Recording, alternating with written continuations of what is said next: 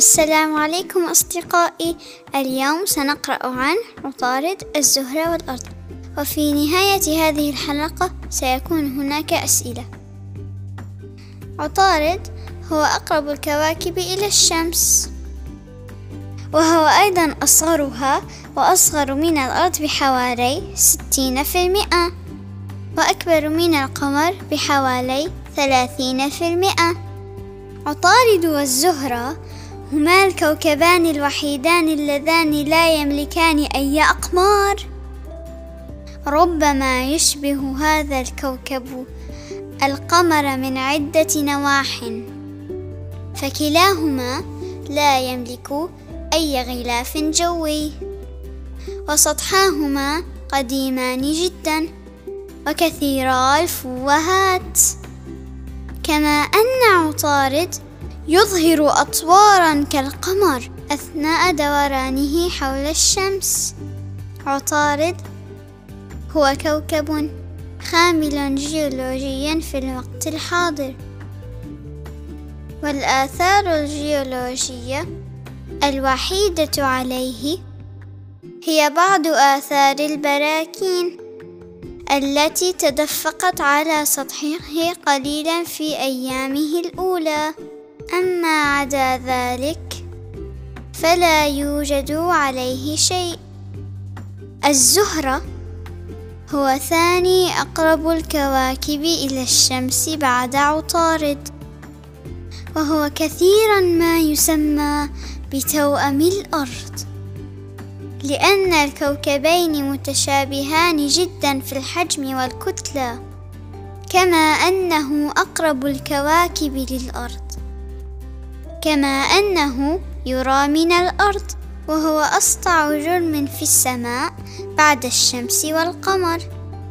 أي أنه ألمع من جميع النجوم والكواكب الأخرى. يدور حول نفسه من الشرق إلى الغرب. أي أن الشمس تشرق عليه من الغرب. لا يملك الزهرة أية أقمار. الأرض هي ثالث الكواكب بعدا عن الشمس وأكبر الكواكب الداخلية حجما. الأرض هي الكوكب الوحيد المعروف في الكون حتى الآن الذي توجد عليه حياة وذلك لأنها تقع على بعد مناسب من الشمس. ولأنه يوجد عليها الماء الضروري لوجود الحياة وهو يغطي معظم سطحها. ولذلك تلقب الأرض بالكوكب الأزرق. يوجد على كوكب الأرض الماء الضروري لوجود الحياة وهو يغطي سبعون فاصل ثمانية بالمئة من سطحها. ويوجد على سطح الأرض سبع قارات منها جبال وسهول وأودية وبراكين وغابات وأنهار. تدور الأرض حول الشمس ويسبب دورانها حول الشمس تغير الطقس. من برودة وحرارة واعتدال جو وهبوب رياح تكمل الأرض دورانها حول الشمس في مدة زمنية قدرها ثلاثمائة وخمسة وستون يوما ونصف. تملك الأرض قمرا واحدا فقط وهو القمر الذي نراه في الليل. ويبلغ قطره ربع قطر الأرض.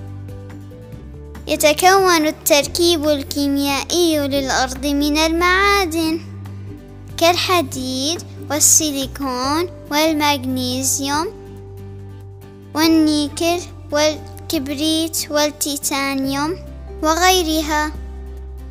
هل أعجبتكم القصة أصدقائي؟ والآن إلى الأسئلة. السؤال الأول ما هو أقرب الكواكب إلى الشمس؟ السؤال الثاني ما هو الكوكب الملقب بتوأم الأرض؟ إلى اللقاء يا أصدقائي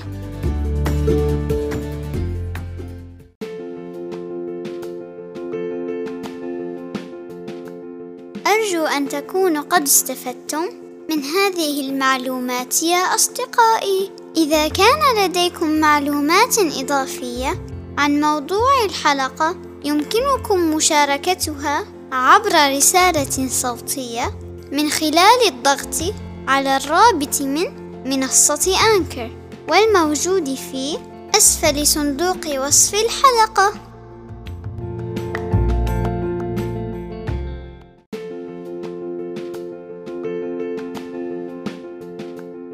أتشرف بتعليقاتكم وتقييمكم للبودكاست على آبل بودكاست أو منصتكم المفضلة للاستماع.